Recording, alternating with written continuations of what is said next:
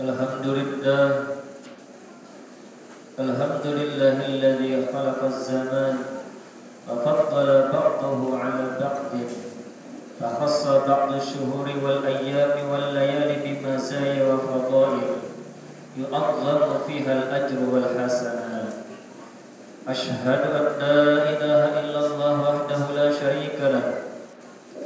وأشهد أن سيدنا محمدا عبده ورسوله الداعي بقوله وفعله إلى الرشاد اللهم صل وسلم على عبدك ورسولك سيدنا محمد وعلى آله وأصحابه هداة الأنام في أنحاء البلاد أما بعد فيا أيها المسلمون اتقوا الله تعالى بفعل الطاعات فقد قال تعالى في كتابه الكريم بل تؤثرون الحياة الدنيا والآخرة خير وأبقى جماعة صلاة Jumat حفظكم Dokter Raisa Dua hari lagi kita akan berjumpa dengan pertengahan Sya'ban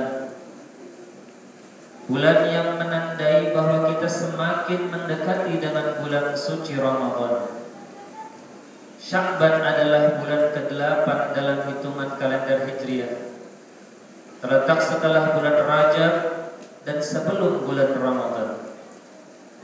Secara bahasa Syakban berakar dari kata syiat yang berarti jalan di atas bukit yang maknanya adalah kita berjalan menapaki jalan menuju puncak yaitu bulan suci Ramadan. Bulan yang dimuliakan di dalam ajaran Islam. Posisi bulan Sya'ban yang terjepit di antara Rajab dan Ramadan rupanya membuat Sya'ban kalah populer dari keduanya. Kita ketahui Rajab diyakini sebagai bulan yang di dalamnya terdapat peristiwa dahsyat yaitu Isra dan Mi'raj.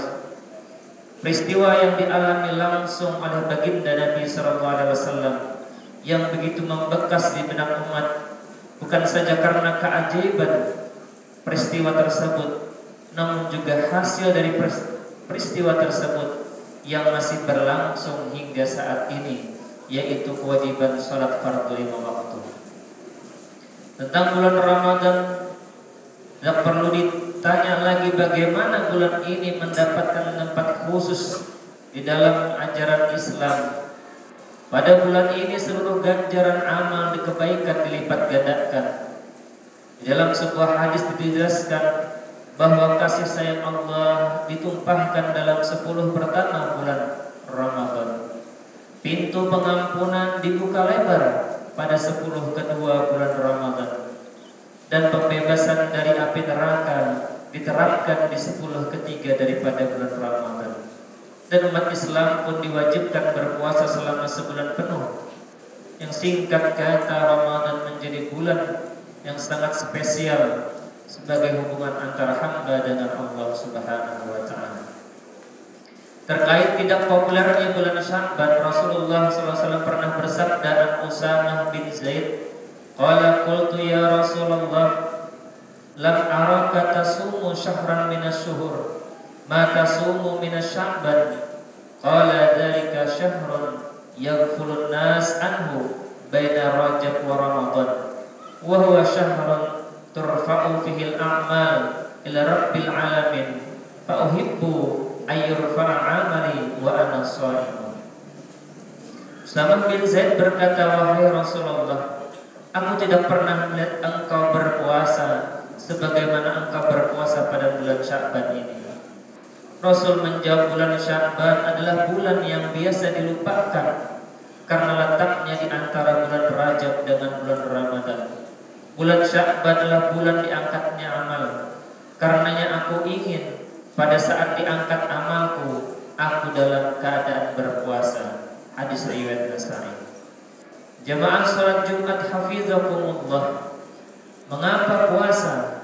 Puasa di bulan Sya'ban menandai tentang kesiapan kita dalam menyambut bulan suci Ramadan. Semakin intensif seseorang melaksanakan ibadah di bulan Sya'ban, semakin matang pula kesiapannya untuk memasuki bulan Ramadan. Rasulullah SAW sendiri bersabda bahwa beliau ingin ketika amal kebaikan diangkat, beliau sedang dalam keadaan berpuasa.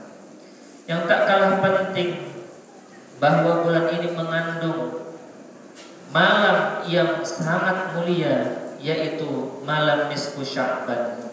Nisfu Sya'ban secara harfiah berarti malam ke-15 daripada bulan Sya'ban. Imam Ghazali rahimahullah mengistilahkan malam nisfu Sya'ban sebagai malam yang penuh dengan syafaat atau pertolongan. Selain puasa di siang harinya, menghidupkan malam bulan Syak malam nisfu Sya'ban juga sangat dianjurkan karena menghidupkan malam di sini berarti kita memperbanyak ibadah dan melakukan amal-amal kebaikan di malam nisfu Sya'ban. Oleh karenanya para ulama-ulama kita berinisiatif untuk membimbing umat pada malam nisfu Sya'ban dengan membaca surah Yasin tiga kali. Dan setiap satu kali kita berniat meminta permohonan kepada Allah. Dan kemudian kita dibimbing diajak untuk salat tasbih berjamaah. Tiada lain dan tiada bukan untuk kita bisa menghidupkan malam nisfu Sya'ban dengan ibadah kepada Allah Subhanahu wa taala. Sayyid Muhammad bin Alawi Al-Maliki menegaskan bahwa terdapat banyak kemuliaan di malam nisfu Sya'ban. Allah Subhanahu wa taala akan mengampuni dosa orang-orang yang meminta ampun pada malam itu. Allah Subhanahu wa taala mengasihi orang-orang yang minta kasih. Allah Subhanahu wa taala menjawab doa orang-orang yang meminta dan Allah melapangkan penderitaan orang-orang yang kesusahan dan membebaskan sekelompok orang daripada neraka. Hadirin sidang Jumat rahimakumullah. Setidaknya terdapat tiga amalan yang seharusnya dilakukan di malam Minggu Sya'ban yang tiga amalan ini disarikan dalam kitab Mada fi Sya'ban karangan Abu Sayyid Muhammad Alawi Al-Maliki. Pertama yaitu memperbanyak doa. Sebagaimana hadis riwayat Abu Bakar bahwa Nabi sallallahu alaihi wasallam bersabda, "Yanzilullah ila sama'id dunya lailatan nisfi Sya'ban fayaghfiru likulli syai' illa rajulin musyrikin." rajulin fi qalbihi syahna. Artinya rahmat Allah Subhanahu wa taala turun ke permukaan bumi pada malam nisfu Sya'ban. Dia akan mengampuni segala sesuatu kecuali dosa musyrik dan orang-orang yang di dalam hatinya tersimpan kebencian terhadap sesama muslim. Hadis riwayat Al-Baihaqi. Amalan kedua yaitu membaca dua kalimat syahadat sebanyak-banyaknya. Dua kalimat syahadat termasuk kalimat mulia. Dua kalimat ini baik dibaca kapan pun dan di mana pun terlebih lagi pada malam nisfu Sya'ban. Kata beliau dalam kitabnya seyogianya seorang muslim mengisi waktu yang penuh berkah dan keutamaan dengan memperbanyak membaca dua kalimat syahadat. La ilaha illallah Muhammadur Rasulullah atau asyhadu an la ilaha illallah wa asyhadu anna muhammadar rasulullah khususnya di bulan Sya'ban dan malam pertengahan bulan Sya'ban amalan yang ketiga yaitu memperbanyak salawat kepada baginda Nabi sallallahu alaihi wasallam. Karena perintah salawat ayat perintah salawat turun di bulan Sya'ban tepatnya tahun kedua Hijriah. Oleh karenanya di bulan Sya'ban ini mudah-mudahan Allah melimpahkan taufik hidayah serta inayahnya kepada kita sehingga kita bisa memperbanyak ibadah-ibadah dan kepada Nabi Sallallahu Alaihi Wasallam. Dan mudah-mudahan kita dipanjangkan umur dan bisa berjumpa dengan bulan Ramadan tahun ini. Amin amin ya rabbal alamin. A'udzu billahi minasyaitonir rajim. Bismillahirrahmanirrahim. Innallaha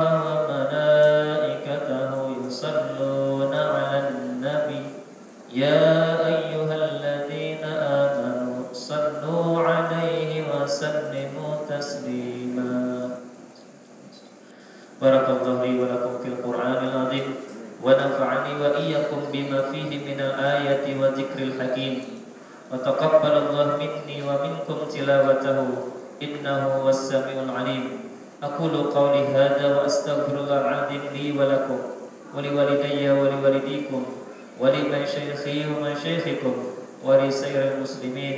فاستغفروه إنه هو الغفور الرحيم. اللهم صل على سيدنا محمد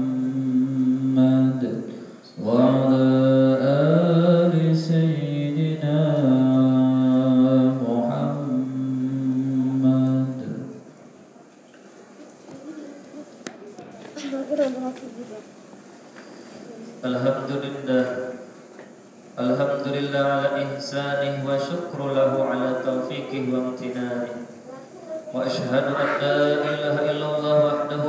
شريك له وأشهد أن سيدنا محمدا عبده ورسوله الداعي إلى رضوانه.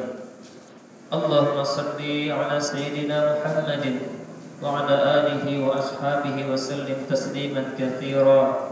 أما بعد فيا أيها الناس اتقوا الله فيما أمر وانتهوا عما نهى واعلموا أن الله أمركم بأمر بدأ فيه بنفسه.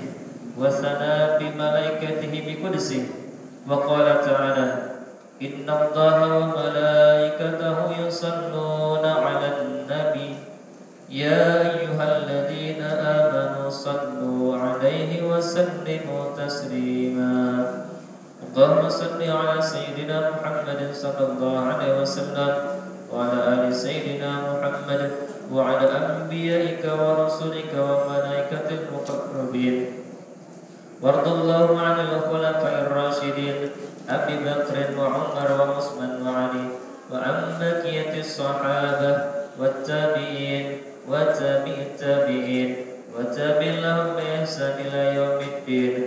وارض عنا معهم برحمتك يا أرحم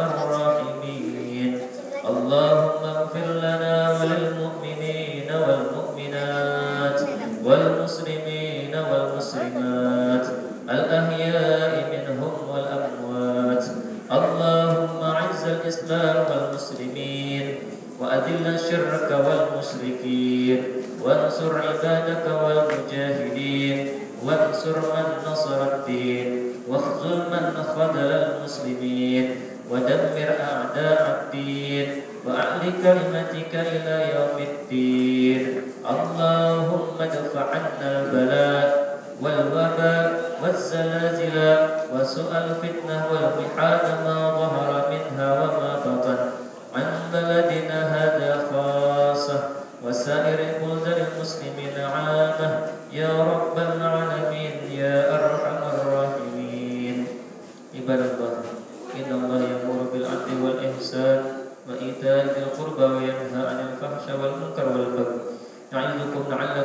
تذكرون واذكروا الله العظيم يذكركم واشكروه على نعم يزدكم ولذكر الله أكبر والله يعلم.